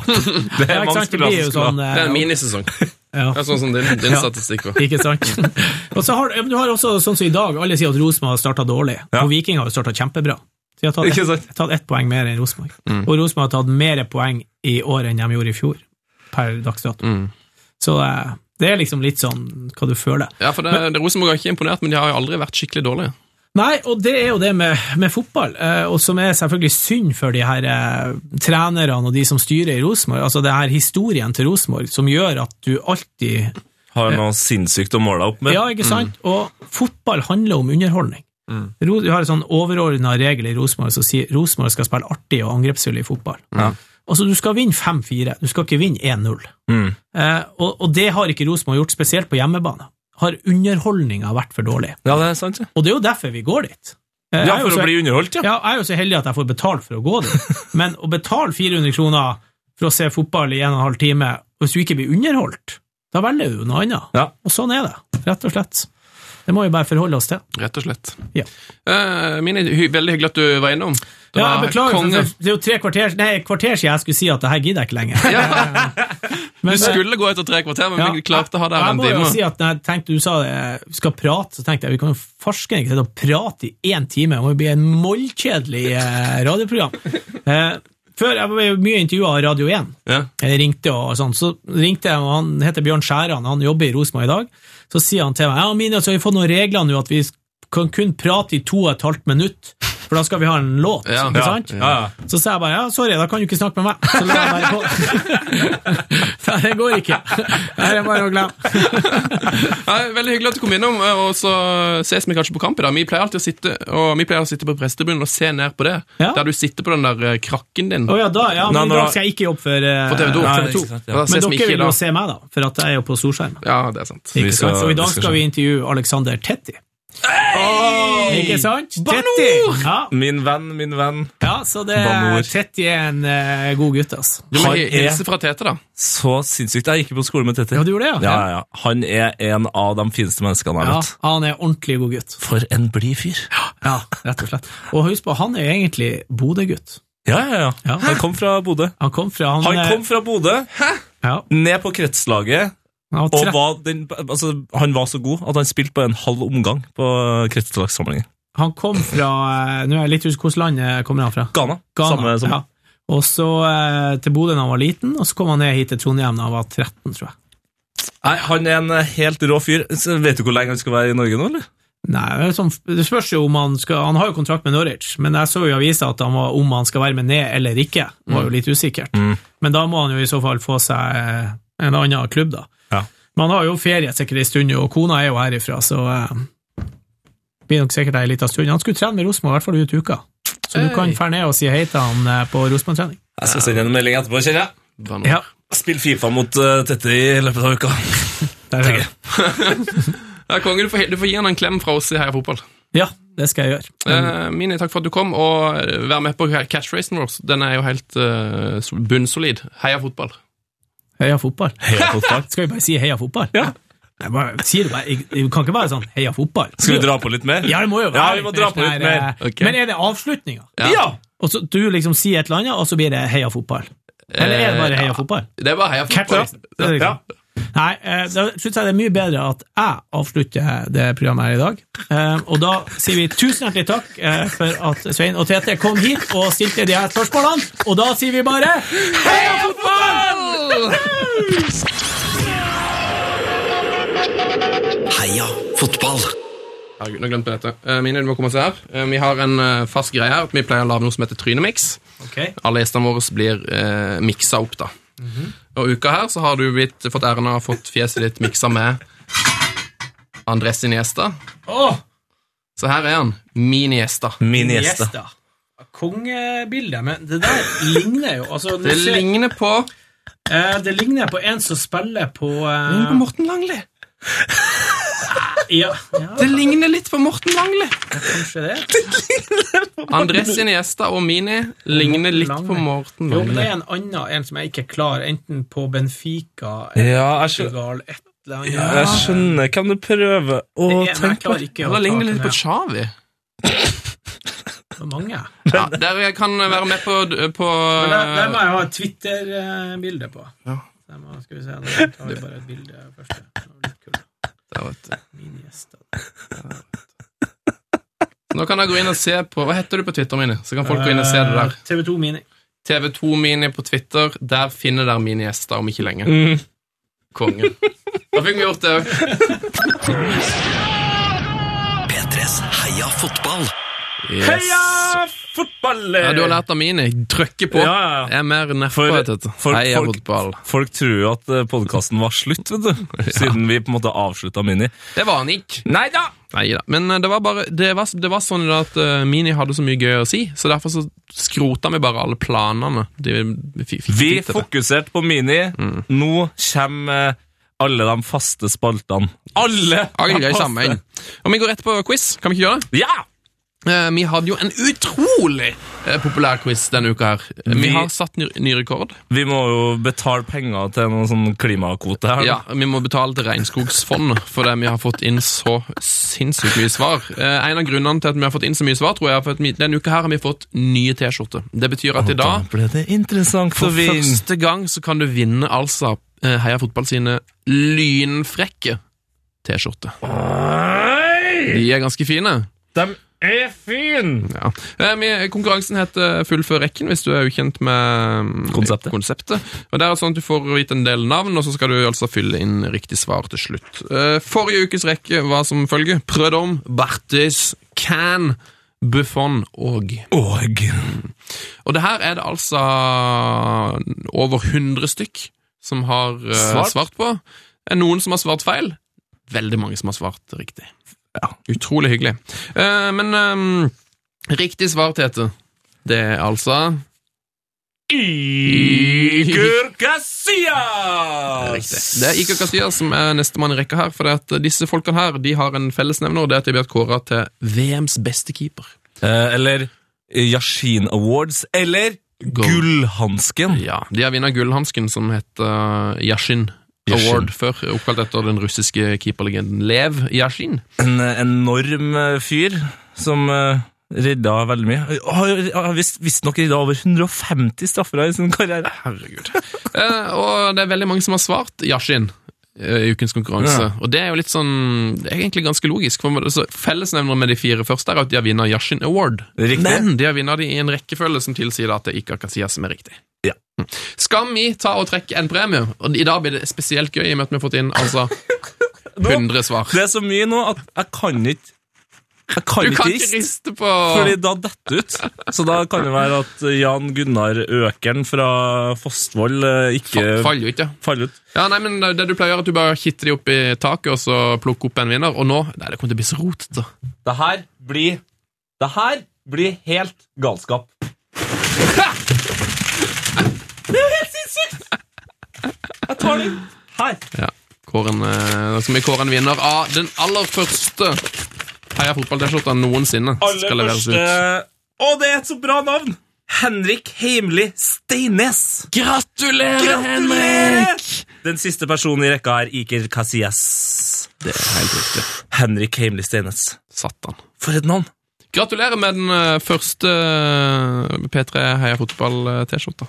Gratulerer. Hvis du lurer på hvordan T-skjorta ser ut, fikk du lyst til å vinne sjøl. Det ligger bilder på Instagrammen vår, P3 Heia fotball. Skal vi ta neste ukes rekke òg? Ja, jeg skal bare svømme forbi noe papir her. Tror du Sånn. Mini er god i quiz, forresten? Ja. Ja. Han Han eh, Han er så ordentlig fyr. Så du tror han har orden i sysakene?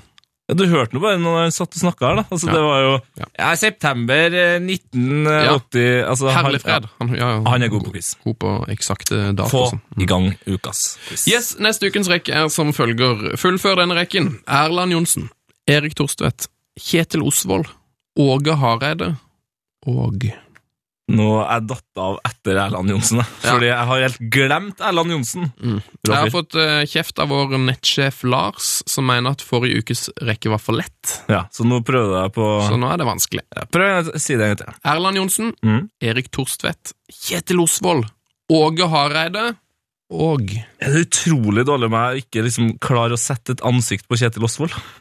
mm, Nei, det er ikke utrolig dårlig.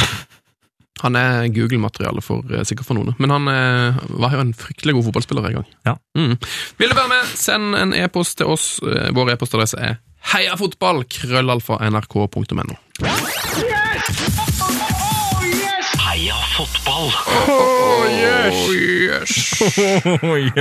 Mm, Heia fotball, eh, ruller videre. Det er fredag, det er god stemning. Det er 16. mai. Skal du drikke deg full i dag, eh, Sven? Nei, jeg tror ikke det. Skal du?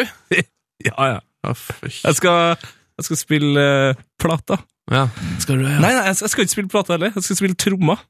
Uff. Oh yes, Det Det er ut. så konge. Nei, nei, det er kjempegøy. Og så skal vi på Lerkendal. Jeg skal på Lerkendal, eh, og så skal jeg på butikken. Eh, Nei. Jeg skal kanskje drikke en liten pils eller to etterpå, men eh, jeg skal, jeg skal jo på 17. mai-frokost i morgen klokka grytidlig, så nei, jeg skal hjem og spare krefter til morgendagen.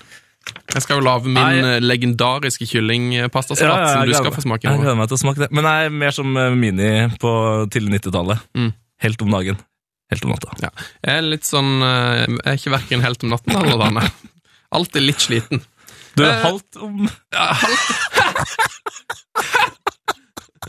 Halvt om natta, halvt om dagen. Det er Sven. Oh, nei, Du, du slår meg ofte til at du er så mye råere enn meg. Du har liksom mer energi, eh, liksom kjekkere, bedre form. Flere følgere på Instagram. Nei, du har liksom alt. Nei, nå må vi snakke om fotball. Ja, La oss snakke om uh, fotball. Vi fikk jo, altså, vi hadde jo um, Det har skjedd så mye denne uka, eh, og så hadde vi egentlig tenkt å snakke med det med Mini, men han sa jo så mye gøy. Ja. Så vi får heller bare dra gjennom et par um, høydepunkter. Vi kan jo ta nei, Vi rekker ikke den om at de fant Perisic traff stolpen tre ganger. Nei, Det rekker vi ikke. Rekker, og vi rekker vel kanskje ikke det at uh, Ka- Carol stakk til Dubai. Nei, istedenfor å kanskje dra til VM. Nei, det rakk vi dessverre ikke. heller ikke å snakke om at Gattusso spilte banjo for Malta i Grand Prix. eller, at, eller at Samaras vant Grand Prix! Samaras vant Grand Prix! Det er helt sjukt. Gå inn på Google hvis ikke dere har, hvis ikke dere har tenkt på denne. Den uh, greske spissen Samaras ligner lite grann på han som vant Grand Prix. Eller hun. Han. Conchita Wurst.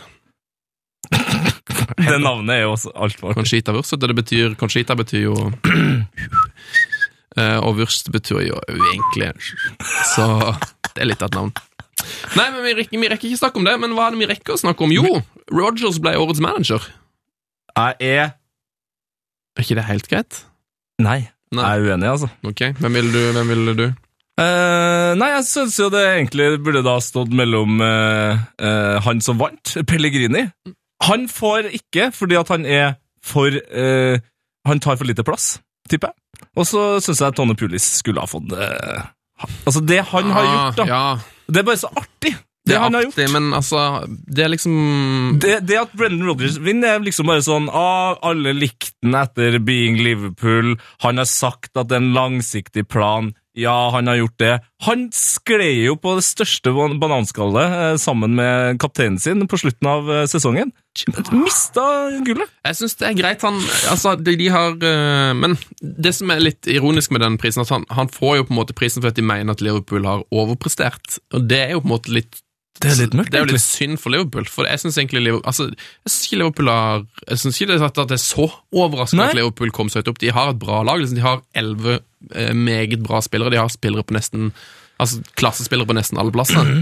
Så jeg er litt ambivalent, men jeg syns iallfall ikke at Pulis kan få han, for han hadde så få kamper. Ja, det, det er litt sant. Men Og han gjorde det jo bare bedre enn det scenarioet her enn masse andre dårlige lag. Liverpool vinner etter siste serierunde neste sesong Mm. på målforskjell foran City, Mm. som har skåra igjen. Skåra eh, flest mål. Ja. Hvem vinner da årets manager? Da får jo Brendan Rodgers det igjen! ja, Pellegrini er for sjenert til å vinne her. jo, men det er vel òg Folk mener at City har kjøpt seg til det. De har, Men de har jo litt det, da. De har jo brukt mye, mye mer penger enn Liverpool på å bygge opp det laget. Det er sant, Ja. men de spiller superunderholdende fotball. Skårer helt sinnssykt mye mål, Ja, det er sant.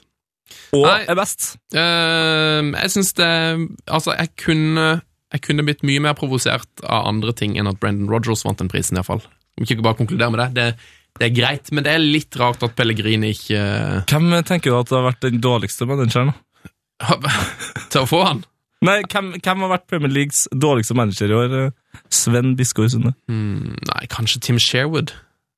Han har jo den beste eh, vinnerprosenten i Premier Leagues Jo, jo, men han kom inn, skapte dårlig stemning, var idiot, eh, skjelte ut alle.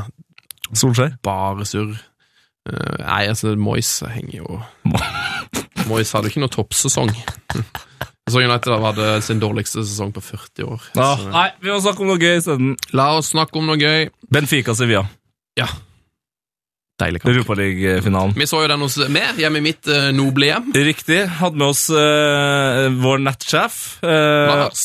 og Lars, og vår mest beskjeggete venn, eh, Ambroses. Oh, han har så. Vi har en venn som heter Ambroses, men det får, skal vi ta i en annen podkast. Ja, men, men den kampen Det var én eh, linje som gikk, gikk igjen, som vi alle sa veldig mange ganger. Det Mm. her er jo som en Fifa-kamp. ja. Det Den føltes som en Fifa-kamp. Det var helt, det var helt usannsynlig fotball. Det var veldig veldig, veldig mange sjanser hele tida, sånn bølger fram og tilbake. Og så, men så var det sånn, kom de alene med keeper og sa sånn Nei! Trykka på langpasning! Moste ball opp på. Firkant! Nei! Har du bytta om eh, til PC-kontrollerne her nå? Eh, Hva er det som skjer? Jeg Nei, ja! Jeg spilte med manual! Shit! Altså, Altså, litt sånn følelsen der. fikk ikke den ballen inn i mål. Og det er utrolig. Mm. Lima på topp der. Skal jo ha- skal jo ha annenhver kamp eh, denne sesongen. her. Dette var en av de kampene han ikke skårte. Et stort problem for han. Ja. Det var vel kanskje Det måtte vel kanskje gå, gå sånn at de tapte når, liksom, når de var best i banespillet, så er det jo typisk at da taper du straffekonken. Ja. For det andre laget har så lyst på den straffekonken. Og, Og de hadde tydeligvis forberedt seg bedre enn Benfica. Straffekonken, På straffekonk, ja. Mm. Ja, ja, ja. Og, og det var jo også Petter Wælands eh, favoritt, Ivan Rakitic. eh, Han stjal jo egentlig alle overskrifter. Og det er godt gjort, med tanke på at den kampen her var så vill som den var. Ja. Han eh, fikk eh, Nei, skal vi si Han ble man of the match. ja. Det var egentlig litt dårlig stemning for det, av en merkelig grunn. Har ikke fått med helt hvorfor. La noen sinnssyke pasninger, ja. og så har han liksom kommet av hovedsaken på Gaystar News. Ja, han kyssa en lagkamerat. Spektakulært. Det var ikke bare hvilket som helst kyss, altså. Skikkelig, skikkelig deilig Ivan Rakitic kyss. og David uh, Kariko. Ja. Jeg må bare se på det her nå. Nei, den er fjerna! Videoen er fjerna. Det, det er for drøyt, det kysset. Gå inn på, på internett og prøv å finne det. Det er sikkert flinkere til meg. Ja, vi retweetet det vel fra P3 Heia Fotball på Twitter, om ikke det? Ja. Der ligger det et deilig snap av at det kysser. Men det som jeg synes er så rart, er at eh, det kom, altså, de bildene er jo ute, og alle vet jo at det har skjedd, men jeg har ikke fortsatt sett en sak hvor noen har intervjuet de og spurt hva som skjedde. Var det en, eh, var det en, på en, måte en protest, eller var det en aksjon, eller, eller er de kjæreste, eller eh, hva var det som skjedde der? Det ser jo rett og slett ut som et godt gammeldags kompisklin, altså. ja, Nå er vi så forbanna glad at det er bare å kysse på. vi vant! Vi vant! Det ble sånn en klem. Det strekker ikke til med en klem her. Nei, her må det kysses. Her må det kysses. Nei, det var deilig. Um, noe annet som må nevnes fra uka som gikk? Nei Nei, vi kan se framover. Jo. Jo. Eh, Kjapt. Okay. TV som Astrid. Ja, Ikke TV som Astrid, ikke til VM. Surt. Du, er- du syns det er greit? Jeg eller? klarer meg fint uten begge de to spillerne i VM, merker jeg. Du er en raring. Og jeg tror faktisk at eh, årsaken til at ikke de kom med til VM, er den samme. Ja. For begge to, altså selvfølgelig, de er fantastisk gode spillere, men de spiller på eh, to veldig, veldig bra fotballag. Eh, Og det som var unnskyldninga, tror jeg, til begge to, var at trenere mener at liksom, de er gode nok til å være med i troppen, Ja. men de kommer antageligvis ikke til å starte, og da er det ikke noe vits å ha dem med. dårlig stemning. For de, tør, de kan ikke sitte på benken. Nei, det er to stykker som virkelig ikke kan sitte på benken. Så. Nasri er helt toppspiller å ha i Manchester City. La han spille hver kamp. Dritgod. Mm. På landslaget blir bare dårlig stemning. Må bare Ah. Han spilte så dårlig i kvalikkampene mot eh, Ukraina. Det har faktisk Jeg aldri skjedd en så god fotballspiller spille så dårlig.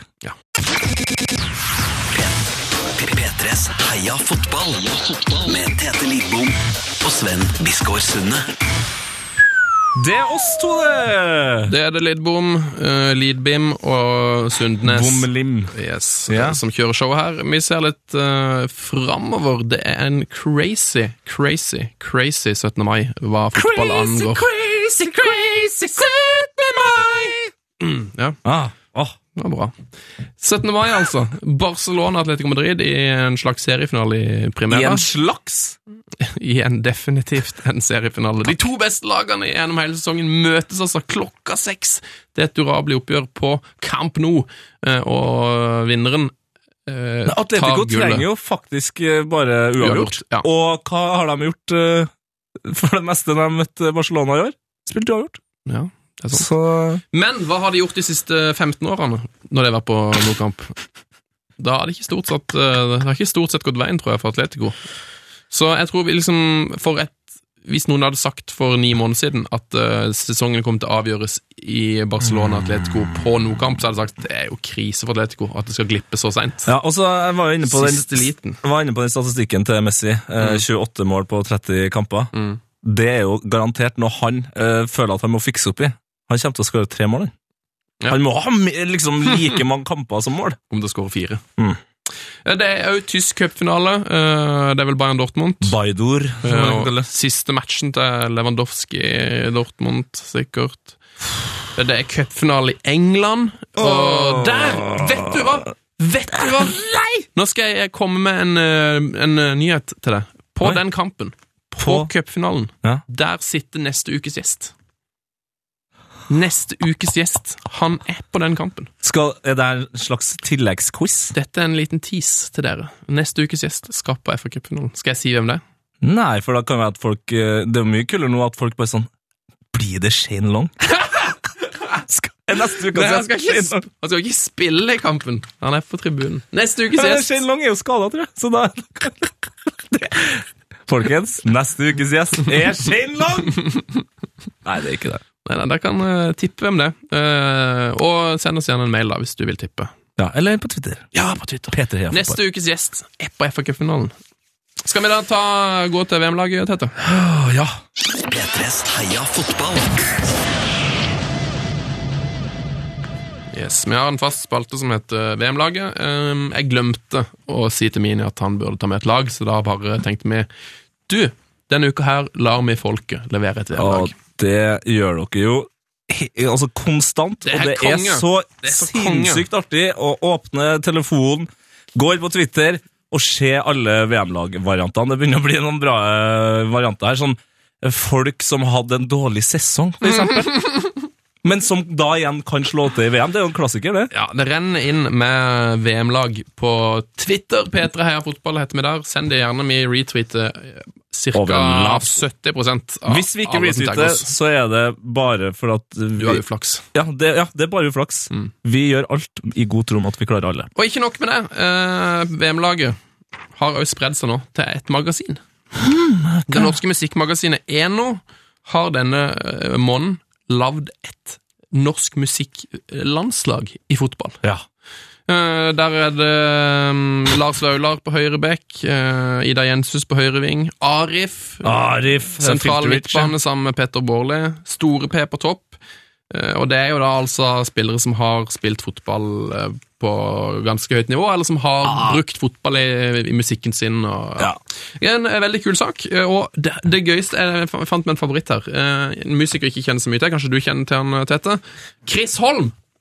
Ja, han er nok ikke min eh, Altså, jeg søker den sjelden opp på Wikipedia. Ja, Men han er altså fra Berg, bergensmiljøet, har spilt i Young Dreams, Alexandra Korthet, Bloody Ja. Beach. Ja. Han er en flink mann! Spilt med Sondre Lerche òg, tror jeg. Eh, og han har en ganske fet fotballkarriere, for han har nemlig vært, ifølge saken her, han har vært på det norske landslaget i strandfotball. Oi! Helt rått. Eh, han har skåra fem mål på 20 kamper, før han la opp en alder av 17. Wow, det var faktisk før eh, Cantona, det. Og han begynte vel strandfotballkarrieren i en alder av 31. Ja, noe sånt. Eh, han skriver her Jeg husker jeg slo en tunnel på Lothar Matheus. Kødder du? Nei da, Chris Holm han har slått tunnel på Lothar Matheus i strandfotball. Etterpå ville jeg bytte drakt med ham, men en eh, kamerat på laget mitt var litt raskere enn meg. Litt senere tittet jeg inn i den tyske garderoben, og da hadde Lothar bare hevet trøyen rett i søpla. Så det var kanskje like greit. Eh, jeg har også spilt mot Erik Cantona. Se her. Her har vi en helt. Pås. Chris Holm, eh, vår favorittmusiker eh, hva fotball angår. Uh, utvilsomt. Utvilsomt. Ja, men kan jo sies at Arif har en ganske fet karriere. da. Han har spilt uh, Stabæk? I Stabæk. Blitt solgt for penger, til og med, til Fossum. Fy fader. 5000 spenn, tror jeg han ble solgt for. Ja, ikke det samme som Mini, men uh, det er greit. Skal vi um, rett og slett uh, bare si uh, at det var det for denne gang? Uh, ja, altså VM-laget. Ja. Ja. Mm. ja, det er greit, det. Så bra. Heia fotball. Nå går det altså unna her. Ja, Nei, men eh, er bare nå, er- nå, Jeg vet at du skriver overtid nå hvis vi, hvis vi sitter lenger, så nå må vi snart bli ferdig. Mm. Men vi har eh, før vi gir oss helt, så er det to faste ting som skal til. Vi skal ha Glory Hall, Ja. og så har vi jo altså fått en så sinnssykt fin mail. Har, har det blitt en eh, Skal vi kanskje bare oppildne til at det her kan bli en fast spalte? Altså lesernes uh, hjørne? Lesernes hjørne. Ja, Veldig gjerne. eh, hjørne, kanskje. Ja. mer- Det raser jo inn med e-post på heiafotballkrøllalfa.nrk.no, og der er det folk som gir oss sin drømmelag. Mm. Vi får tilsendt uh, morsomme YouTube-klipp, morsomme nyhetssaker. Og så er det altså noen som har begynt å rapportere for oss. Eh, de, Følge med, rett og slett, der vi vi, de fått- ikke strekte. Eh, Guttorm Syvertsen Wiig har sendt oss tre fantastiske mails denne uka her. Tommel opp, uh, Guttorm. high five. Du har et bra navn, men for, uh, først og fremst, du er en av mine nye favorittmennesker. Uh, Du har en veldig god penn. Han har sendt oss masse mails om diverse obskur fotball, og jeg tenkte jeg skulle lese opp den ene. Eh, Han kalles altså Popkorngutten, denne Guttorm. Hei, gutter! Eh, Har fulgt portugisisk segundaliga, eller portugais segundalage, som det sikkert uttales. Jeg har altså fulgt portugais segundalage med et øye den eh, sesongen, og merket at de fleste serierunder deles det ut et par røde kort. Sjekket statistikken nå, og det viste seg selvfølgelig å stemme med min magefølelse. Totalt har dommerne utvist spillere 234 ganger. Nei! Hva sa 234? 234 røde kort på én sesong! Eh, Dette gir et snitt på over et halvt rødt kort per kamp, da det altså er 42 serierunder. Nærmere bestemt 5,06 utvisning per kamp. Uten å ha tallene på bordet tror jeg dette er over snittet internasjonalt. Eh, Sett bort fra Sør-Amerika. Av de verste lagene kan nevnes eh, at CD Santa Clara har prestert å få utvist en spiller hele 21 ganger denne sesongen. Hæ? At samme laget har De har hatt en utvist spiller i annenhver kamp. Nei, hvor ligger det ah, Det må vi finne ut. eh, Hva var det du sa? CD Santa Clara. CD. I, i portugais secondalage. Ja, fortsett. CD Trofense føler hakk i hæl med 19 utvisninger. Eh, Det døveste laget er helt klart Porto B, med usle én utvist spiller, og den kom i tillegg etter to gule kort! Makan! Det er så bra mail der. Mer sånn her. Hvis man måtte trekke fram én spiller, ville det sannsynligvis blitt brasilianske Marcello hos Trofense, som fikk syv gule og to røde på 13 kamper. Helt sinnssykt. Uh, Popkorngutten, takk for uh, dritbra mail. Ja, Tusen hjertelig. Mer av det. CD Santa Clara kom uh, altså helt midt på tabellen, uh, på 11. plass. Ja. Så det, det er jo ikke så gærent å Du, ha- være én mann mindre. Det kunne vært verre, si. Det kunne vært verre. Der kasta du glory holen din eller? Nei, jeg kasta Jeg kasta Hva er det jeg kasta for noe? Kanskje jeg kasta Glory Hallen? Det er jo ikke bra. Det er jo virkelig ikke, ikke bra. Skal vi ta Glory Hallen, da?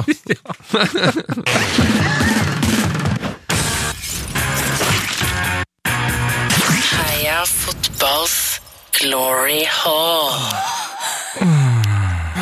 Det er deilig. Det er deilig. Det er deilig å avslutte med en liten Glory Hall. Um, nå er det jo altså sånn at uh, vi har en Glory Hall der vi hyller diverse spillere. Yeah. Jeg merka etter i dag at jeg begynner å få mer og mer lyst til å hylle Mini.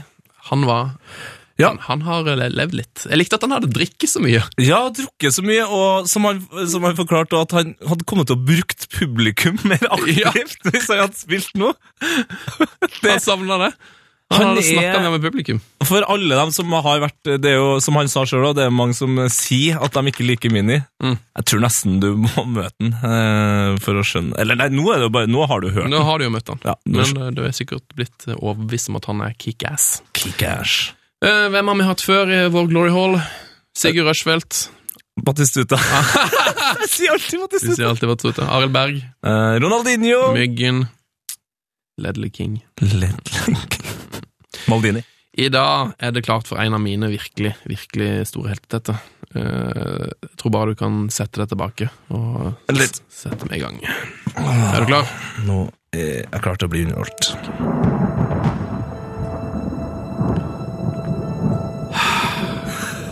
Noen eh, spillere, Tete, de hyller meg fordi at de var morsomme utenfor banen, eller at de var lojale, eller at de var mye skada, eller et eller annet sånt. da. Ukens spiller vil jeg hylle, først og fremst fordi at han var så sinnssykt god. Herregud, så god han var. Eh, Det er en av favorittspillerne til både Xavi og Zinedine Zidane. Zidane har selv uttalt at eh, han, noe av det han angrer mest på i sin karriere, eller noe av det han er mest misfornøyd med i sin karriere, er at han aldri fikk spille sammen med dette lille geniet. Ikke bare var han god, han var jo lojal. Bortsatt fra et lite lån før karrieren var ordentlig i gang, så spilte han 17 år i samme klubb. Han var til og med født og oppvokst ei langpasning unna banen han spilte på, mer eller mindre hele karrieren. Ukas helt skåret over 100 mål for laget sitt. Allikevel er det kanskje pasningene han huskes best for. Dæven. Ukas helt han kunne ikke takle. Han hadde rødt hår, han var alltid likbleik, ganske sjenert og hadde astma. Allikevel ble han altså en av de beste midtbanespillerne i engelsk eh, fotballhistorie. På Løkka er det alltid en kid som spiller med nummer sju, for det er helten hans som spilte med nummer sju, eller en kid som skal ha nummer ti for å hylle Maradona. Jeg pleide alltid å spille med nummer 18. Nummer 18. Eh, Og selv om han avslutta karrieren med drakt nummer 22 eh, fordi han gjorde et comeback for å redde Manchester United, så vil jeg alltid forbinde drakt nummer 18 med verdens deiligste Paul Aron Scholes. For en spiller! Herregud, for en spiller. For en spiller! Eh, Jeg har en kompis som heter Lars, som sa at eh, han hadde, det han har lyst til å gjøre når han blir rik, at han har lyst til å kjøpe seg en iPad eh, som han skal bare lime opp på kjøkkenet. Altså, Som på en måte som ei ramme. Og på der skal det bare stå kontinuerlig. Og gå og gå. En video med Paul Scholes. Påskås. Paul Scholes, eh, takk for alt. Og takk. Takk for alt, og jeg håper han blir en managerlegende. Mm, Jeg tror, jeg tror det. altså. Jeg har en tro. deilig. Takk for at du hørte på Heia fotball. Åh, Hvordan skal vi si heia fotball til slutt, da? Har du lært noe i dag? Silkemykt. Ok, si det silkemykt. Heia fotball. P3s Heia fotball. Ny episode hver fredag. Last ned din nye favorittpodkast på p3.no podkast. P3.